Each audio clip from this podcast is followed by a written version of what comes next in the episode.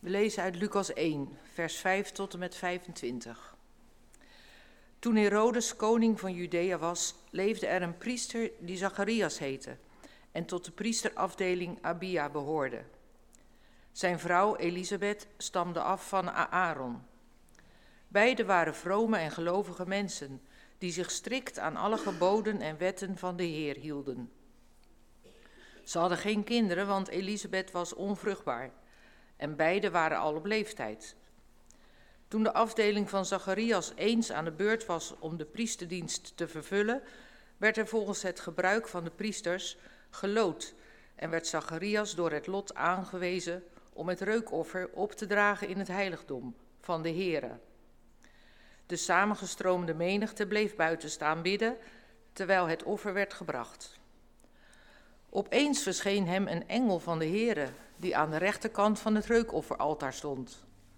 Zacharias schrok hevig bij het zien van de engel en hij werd door angst overvallen. Maar de engel zei tegen hem: Wees niet bang, Zacharias, je, je gebed is verhoord. Je vrouw Elisabeth zal je een zoon baren en je moet hem Johannes noemen. Vreugde en blijdschap zullen je ten deel vallen en velen zullen, zullen zich over zijn geboorte verheugen. Hij zal groot zijn in de ogen van de Heere en wijn en andere gegiste drank zal hij niet drinken. Hij zal vervuld worden met de Heilige Geest terwijl hij nog in de schoot van zijn moeder is. En hij zal velen uit het volk van Israël tot de Heer hun God brengen. Als bode zal hij voor God uitgaan met de geest en de kracht van Elia, om ouders met hun kinderen te verzoenen en om zondaars tot rechtvaardigheid te brengen. En zo zal hij het volk gereed maken voor de Heer. Zacharias vroeg de engel: Hoe kan ik weten of dat waar is? Ik ben immers een oude man en ook mijn vrouw is al op leeftijd.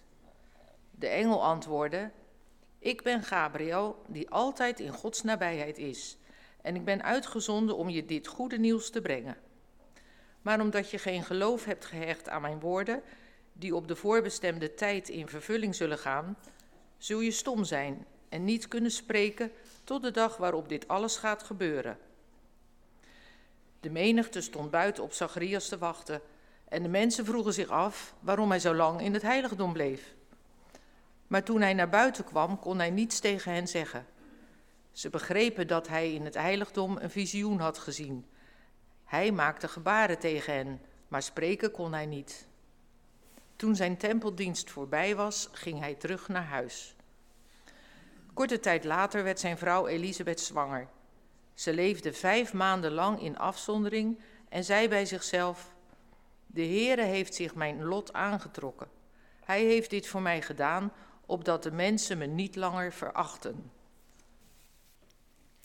Gemeente van onze Heer Jezus Christus.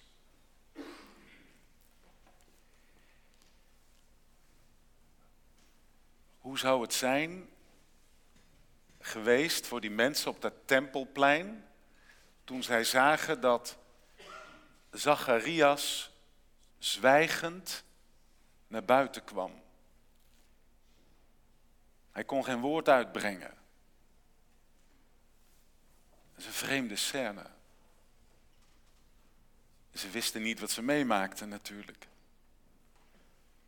Het was niet dat Zacharias niet wilde spreken, maar hij kon het niet.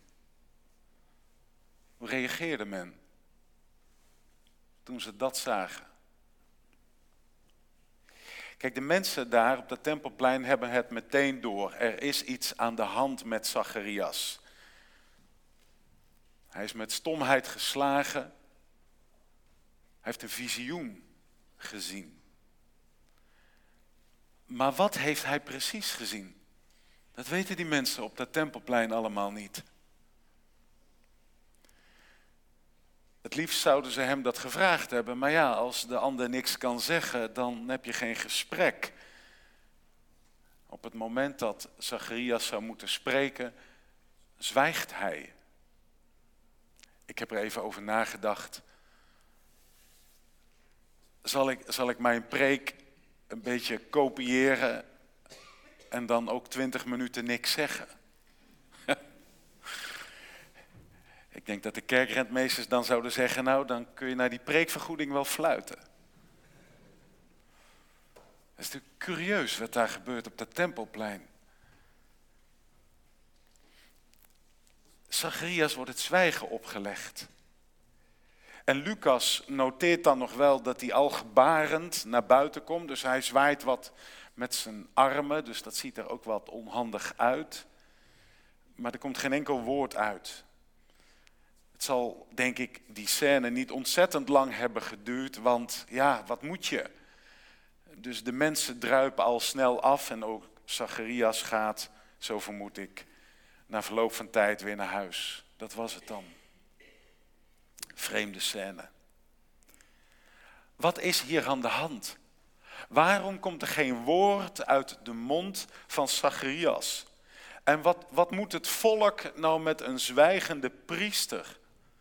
Want juist het Jodendom is een godsdienst van het woord.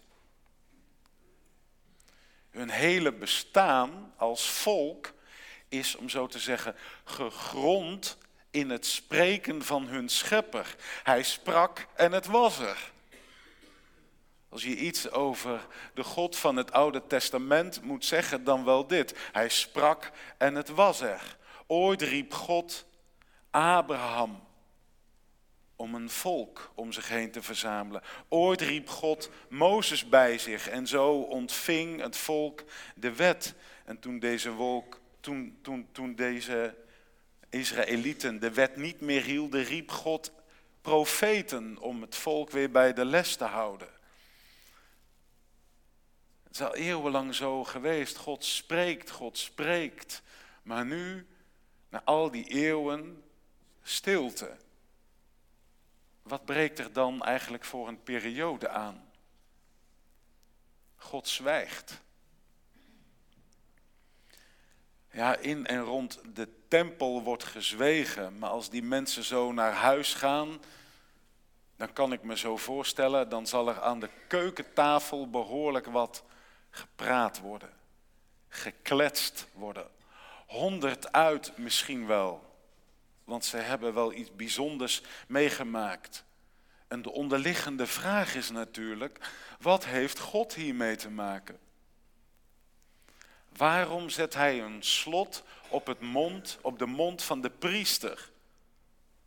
Dat helpt het, het geloofsleven toch ook niet veel verder. Als God zwijgt, als de priester zijn mond houdt, komen we dan verder. En wat zal er gekletst worden in die huizen? Geroddeld misschien ook wel over Zacharias, maar ook over God. Hij weet waarschijnlijk niks meer te zeggen. Zo oreren sommige wijsneuzen. En daarom snoert hij ook maar de priester de mond. Zwijgt God. Iemand daar aan tafel vraagt, misschien aan haar vader of aan haar moeder, hoe lang is het geleden dat de profeten gesproken hebben? Een ouder zegt dat is alweer 400 jaar. Wat is er veel gezegd? Zoveel goede woorden. Ook bij ons, hè? niet alleen toen, maar ook bij ons. Hoeveel goede woorden heb je al niet gehoord van de ander op een Bijbelkring, tijdens een preek of een huisbezoek, of gewoon onderweg van een vriend of van een vriendin Vriendin, hoeveel goede woorden heb je in je leven al niet gehoord? Hoeveel rake woorden, hoeveel hoopvolle woorden zijn er al niet tot je gekomen? Hebben ze enige invloed gehad? Wat hebben ze met je gedaan? En ook toen, hè, zijn er toen ook mensen door veranderd? Zijn wij er door veranderd? Is het volk veranderd? En in hun huizen staren de Israëlieten vaders en moeders, kinderen elkaar aan. En ondertussen, er zijn natuurlijk meer priesters, ja, die blijven trouw hun offers verrichten, hun gebeden uitspreken in de tempel, totdat alles verstomt. Het is bijna alsof God een zwijgen over Israël legt. Het valt stil in dat landje aan de Middellandse Zee. Zacharias kan geen woord meer uitbrengen. Waar heeft dat mee te maken? Een voorstel van mijn kant. Ik denk dat je kunt zeggen dat Zacharias nu moet zwijgen, zodat God maximaal aan het woord gaat komen. Het zwijgen van Zacharias is niet zozeer een straf als wel een teken. Waarbij Maria bij de aankondiging van de geboorte van Jezus zij het woord van God aanvaarde. En ze zegt, ik zal doen wat u van me vraagt. Daar kan Zacharias geen stom woord meer uitbrengen. Want hij kan zich simpelweg niet voorstellen dat hij en Elisabeth op hoge leeftijd nog een kind zullen krijgen. Een teken. Het ongeloof van Zacharias moet plaatsmaken voor het grote verhaal dat God doorgaat met de geschiedenis van zijn volk. Dat God zijn volk niet aan haar lot overlaat, maar haar lot juist deelt en bezig is om niet alleen geschiedenis te maken, maar ook, want daar is God ook mee bezig, om de geschiedenis van zijn volk in te kruipen. Dat is kerst, hè? God kruipt de geschiedenis van zijn volk in.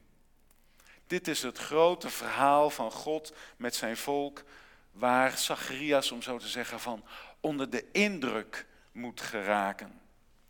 Dat hun alledaagse leven meegezogen gaat worden in de geschiedenis van God. Zij, Zacharias en Elisabeth, krijgen daar een plaats in met de geboorte van Johannes, die als de boodschapper van de grote dag van de Heer zal optreden, die de dag van de komst van Jezus zal aankondigen. Heel heimelijk, maar toch ook wel heel beslist, hebben de Israëlieten hier al eeuwen naar uitgekeken. De Joden uit de dagen van Zacharias hebben hierop gehoopt. Dat verlangen naar bevrijding, de hoop op de Messias die ja, zo'n 400 jaar lang ondergronds is gegaan, als het ware. Alsof de geest van God zelf kopje onder is gegaan in het water van de geschiedenis, nu weer naar boven komt, naar adem hapt en adem zal geven aan Jezus. En eerst nog aan de geboorte van Johannes. Je zoon Johannes, zo hield de engel Zacharias voor, zal velen uit het volk tot de Heer brengen. Want dat volk van Israël, dat hing als los zand aan elkaar en het zal weer samenhang gaan krijgen. Oude beloften, ooit uitgesproken aan Abraham, zullen worden vervuld. Dat oude rafelige volk Israël zal weer contouren gaan krijgen. En waartoe zij bestemd was, wordt nu met de komst van Johannes en van Jezus zichtbaar. Dit is het volk van God. Mocht je het ooit vergeten, dan wordt het nu wel duidelijk. En omdat dit besef je te boven gaat, Zacharias, doe jij nu maar even het zwijgen ertoe. Want God gaat aan het werk. Jij, Zacharias, moet even je mond houden. En zo komt hij dus naar buiten, zwijgend met zijn armen in de lucht. Niet omdat God gezwegen heeft, integendeel, God heeft gesproken. Zacharias moet zwijgen. En in die stilte tussen God en Zacharias zal zich heel wat hebben afgespeeld. Het zal hem ervan doordrongen hebben dat de God van Israël niet in het verleden is opgesloten, maar dat hij in het heden werkt, vandaag, nu. Maar wellicht heeft dat zwijgen Zacharias ook geholpen om dit ontvangen visioen niet meteen kapot te praten. Of van een eigen interpretatie te voorzien. Dat Zacharias niet de aandacht op zichzelf gaat vestigen door te zeggen: Nou, ik heb een geweldig visioen gehad. Oh, Zacharias, wat geweldig. Nee, dat zwijgen trekt als het ware de aandacht van Zacharias af. En zo maakt hij ruimte voor God. En als ik nou eens mijn blik verleg van de huizen uit Israël van 2000 jaar geleden naar de huizen in het Nederland van nu, naar de huizen in Nieuw-Vennep bijvoorbeeld. Zwijgt God nog steeds in de huizen in Nieuw-Vennep? Of zwijgt hij alweer? Houdt God zijn mond in deze tijd? Verneem je niet zoveel van hem? Dat kan. En als je dat zo ervaart, waarom zou God dat dan doen? Zou hij daar een reden voor hebben? Om even te zwijgen in je leven. Even zijn mond te houden. Dat kan toch niet anders dan dat hij daar een, regen, een reden voor heeft. Hij zwijgt toch niet om jou alleen maar achter te laten in een oorverdovende stilte die je soms ook naar de keel kan vliegen, want je denkt, ja, niet alleen waar is God, maar ook waarom zwijgt Hij? Kun je zomaar denken en zomaar ervaren. Is God ook stil als je naar de kerk gaat? Kan ook. Klinken allemaal woorden. Nu ook klinken allemaal woorden. En die gaan misschien allemaal langs je heen. Want God zwijgt. Je hoort ze wel, maar ze gaan het ene oor in en het andere oor uit. Je zit er wel, je luistert wel, dat probeer je wel, maar het komt niet binnen. Je bidt wel, je zingt wel, ja. Maar wat verneem je dan eigenlijk van God? Ik kan me ook voorstellen dat er verschillende opstaan die zeggen, ja, ik ervaar wel iets van God. Ook nu. Ook in een dienst als deze. Of in de afgelopen week. Maar ik kan me ook voorstellen dat je zou kunnen opstaan en zeggen: nee, dat heb ik niet meer zo. Dat ik iets van God verneem. Dat ik zijn stem hoor in de schrift of hoe dan ook. Praat daar eens over door vandaag. Of als je straks hier zo'n kopje koffie drinkt.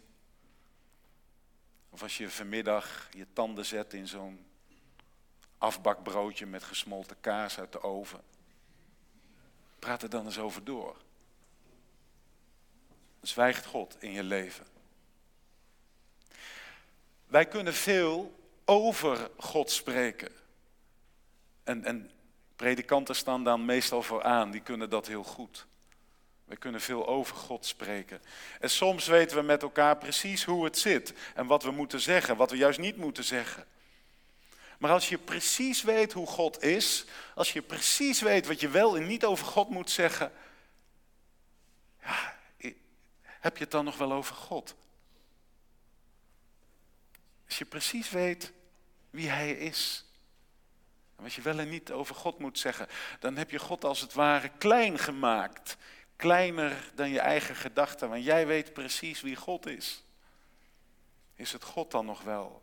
Hij is natuurlijk groter en verrassender en creatiever dan wij ooit zouden kunnen bedenken. Of dan wij ons kunnen voorstellen.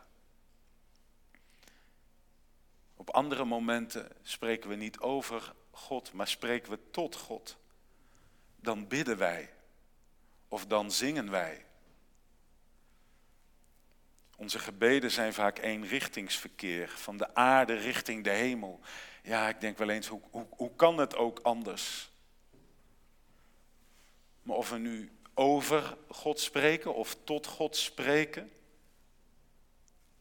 in beide gevallen, in beide situaties zijn wij aan het woord. En begrijp me goed, dat kan heel opbouwend en zinvol zijn voor ons geloof. En we kunnen ook niet zonder, maar we kunnen ook te veel over God spreken. We kunnen ook te veel weten, te vol zijn van onze eigen gedachten en ideeën over God. En te veel onze eigen wensen en verlangens bij God neerleggen. Want wie praat, kan niet tegelijk luisteren. Toch een algemene wijsheid, hè? dat we niet twee dingen tegelijk kunnen doen. Zelfs vrouwen kunnen dat niet. Dat denken ze altijd. Kan niet. Dus we kunnen ook niet praten en luisteren. En als je dat op je geloofsleven betrekt, Hoe luister je naar God als je alleen maar praat over of praat tot God? Hoe doe je dat dan? Het is goed dat we leren zwijgen. Dat we stil worden voor God. Want dat is wat Advent ook is. Advent is ook, God heeft gesproken. God heeft woorden van hoop en verwachting gesproken. Hij heeft gehandeld door de geschiedenis heen. Hij heeft gesproken door zijn zoon, Jezus Christus, de Messias van Israël en de heiland voor de wereld. Met dunk, dat is taal, zeg. Dat is een woord. En daarom doet niet alleen Zacharias er het zwijgen toe, maar doen wij er ook het zwijgen toe. Wij zwijgen, omdat wij met ons spreken nogal eens de woorden van God de pas kunnen afsnijden. Wij hechten nog wel eens meer aan onze eigen woorden en inzichten dan aan de woorden van God. Onze eigen inzichten en opvattingen krijgen voorrang boven de woorden van God. En daarom is het goed dat we leren zwijgen. En dat is meer dan alleen maar onze mond houden. Dat is meer dan alleen maar een slot op onze mond te zetten. Zwijgen is je bezinnen op wat de Heere God heeft gezegd. Je bezinnen op zijn woorden. En dat vraagt een zekere oefening. Dat is echt een geestelijke oefening. Zwijgen. Met regelmaat zwijgen. Niet eens een keertje. En dat je dan je eigen probleem hebt opgelost. Maar leren zwijgen, met regelmaat zwijgen, om je te verwonderen over wie God is en wat Hij zegt. En dat, dat je Hem, om zo te zeggen, dat, nou zeg ik het heel menselijk, de kans geeft om iets tot je te zeggen. Heeft God die kans bij je, dat hij iets kan zeggen? Dat je, dat je tot stilstand komt en dat je zwijgt en dat je jezelf tot rust brengt. En dat de woorden van God, om zo te zeggen, de gelegenheid krijgen om een beetje te resoneren bij je. Dat het haakt. Hé, hey, dit zegt de Heer. Dit lees ik in de schrift. Dit kruipt bij mij naar binnen. Dit raakt aan iets aan me. Aan verlangen of aan onvrede of aan hoop of aan wat dan ook. Stilte. Stilte voor actieve, enthousiaste, ijverige christenen. Maar ook voor tobberige, zoekende, onverschillige christenen. Zouden we het nodig hebben, die stilte? In onze heigerige, opgejaagde samenleving worden we alsmaar voortgestuwd, heen en weer geslingerd. Stilte. Zouden we het nodig hebben? Over stilte en rust zal ik in ieder geval niet romantisch doen, helemaal niet. Want stilte kan ons onrustig maken.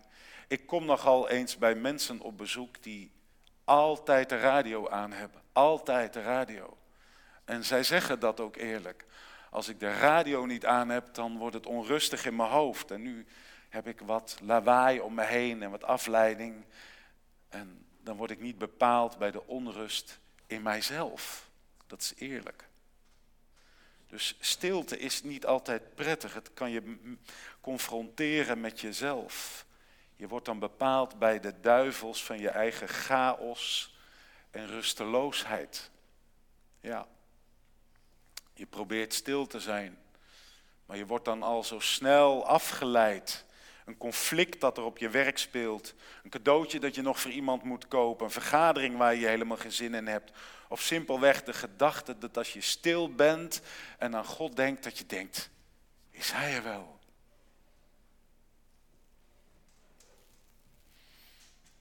Om stil te worden, als je dat niet zo gewend bent, dan heb je ook echt een lange remweg nodig. Je bent niet van het een op het andere moment stil. Zoals een auto een remweg nodig heeft om tot stilstand te komen, hebben wij mensen dat ook. Maar het kan wel heel heilzaam voor je zijn, voor jezelf, om je te oefenen in stilte en te wachten op God en zijn woorden tot je te laten komen. Dus daar, daar moeten we in zekere zin doorheen. Ook al hebben veel van ons wel de reflex om weg te lopen voor stilte. Maar misschien doe je het van tijd tot tijd. Stil worden voor God. Om te luisteren naar Hem. Misschien doe je te weinig. En gebruik deze advent, we hebben nog even voordat het kerst is. Gebruik deze weken om misschien iedere dag of vier keer per week een minuut of tien, vijftien, twintig, wat bij je past, stil te worden voor God. Bijbelwoord te lezen en dat te overdenken. In alle rust. Bijbelwoorden te beluisteren. Bijbelwoorden te overdenken. Het zou natuurlijk, want ik, gisteren ging ik boodschappen doen en ik griste nog even toen ik de winkel uitging, zo'n allerhande weg. En dan zat ik in de bladeren. Dacht ik, ja, het zou ook te zot zijn als de allerhande in deze advent meer tijd krijgt en meer aandacht dan de Bijbel. Of de notulen van de kerkenraad. Of welk ander stuk ook wat je hebt te lezen. Wij zwijgen. Niet om het zwijgen, maar om te vernemen wat de Heere God wil zeggen. Dat zijn woorden iets kunnen doen in je, iets teweeg kunnen brengen. Zonder stilte is er geen luisterend hart. Want zijn woorden van heil, zijn woorden van vrede, zijn woorden van vergeving worden natuurlijk niet neutraal de eter ingeslingerd. Dat staat God niet voor ogen. God gooit zijn woorden niet over deze aarde heen en zegt dan, dan niet vervolgens achteraan, nou ja, zie maar wat je ermee doet of zo. Hij hoopt dat zijn woorden ons bereiken. Het zijn woorden van heil en woorden van vergeving en woorden van vrede. Woorden die ons kunnen omvormen, die ons op een ander spoor kunnen zetten. Die ons milder kunnen maken. Of vrolijker kunnen maken. Of hoopvoller kunnen maken. Dat kunnen de woorden van de Heer doen. Want God ziet, ziet niets liever dan dat zijn woorden je raken. Je veranderen, hoe onbeduidend zo'n verandering in eigen ogen ook kan zijn. Maar wil dit gebeuren, wil er iets veranderen, dan is het belangrijk om te zwijgen. En naar de woorden van God te luisteren en zo de geest van God ruimte te geven in je leven. En tot slot, wat dit zwijgen dan concreet voor je gaat opleveren, ik heb geen idee. Dat kan ik uiteraard voor niemand voorspellen. Maar probeer het eens te zwijgen. Nogmaals, dat is niet domweg je mond houden, maar het is vooral uitzien naar, hopen op. En wie goed zwijgt, wie zijn oor en zijn hart te luisteren legt, zal zeker de woorden van de Heer vernemen. Een gezegende advent gewenst. Lof zij u Christus. Amen.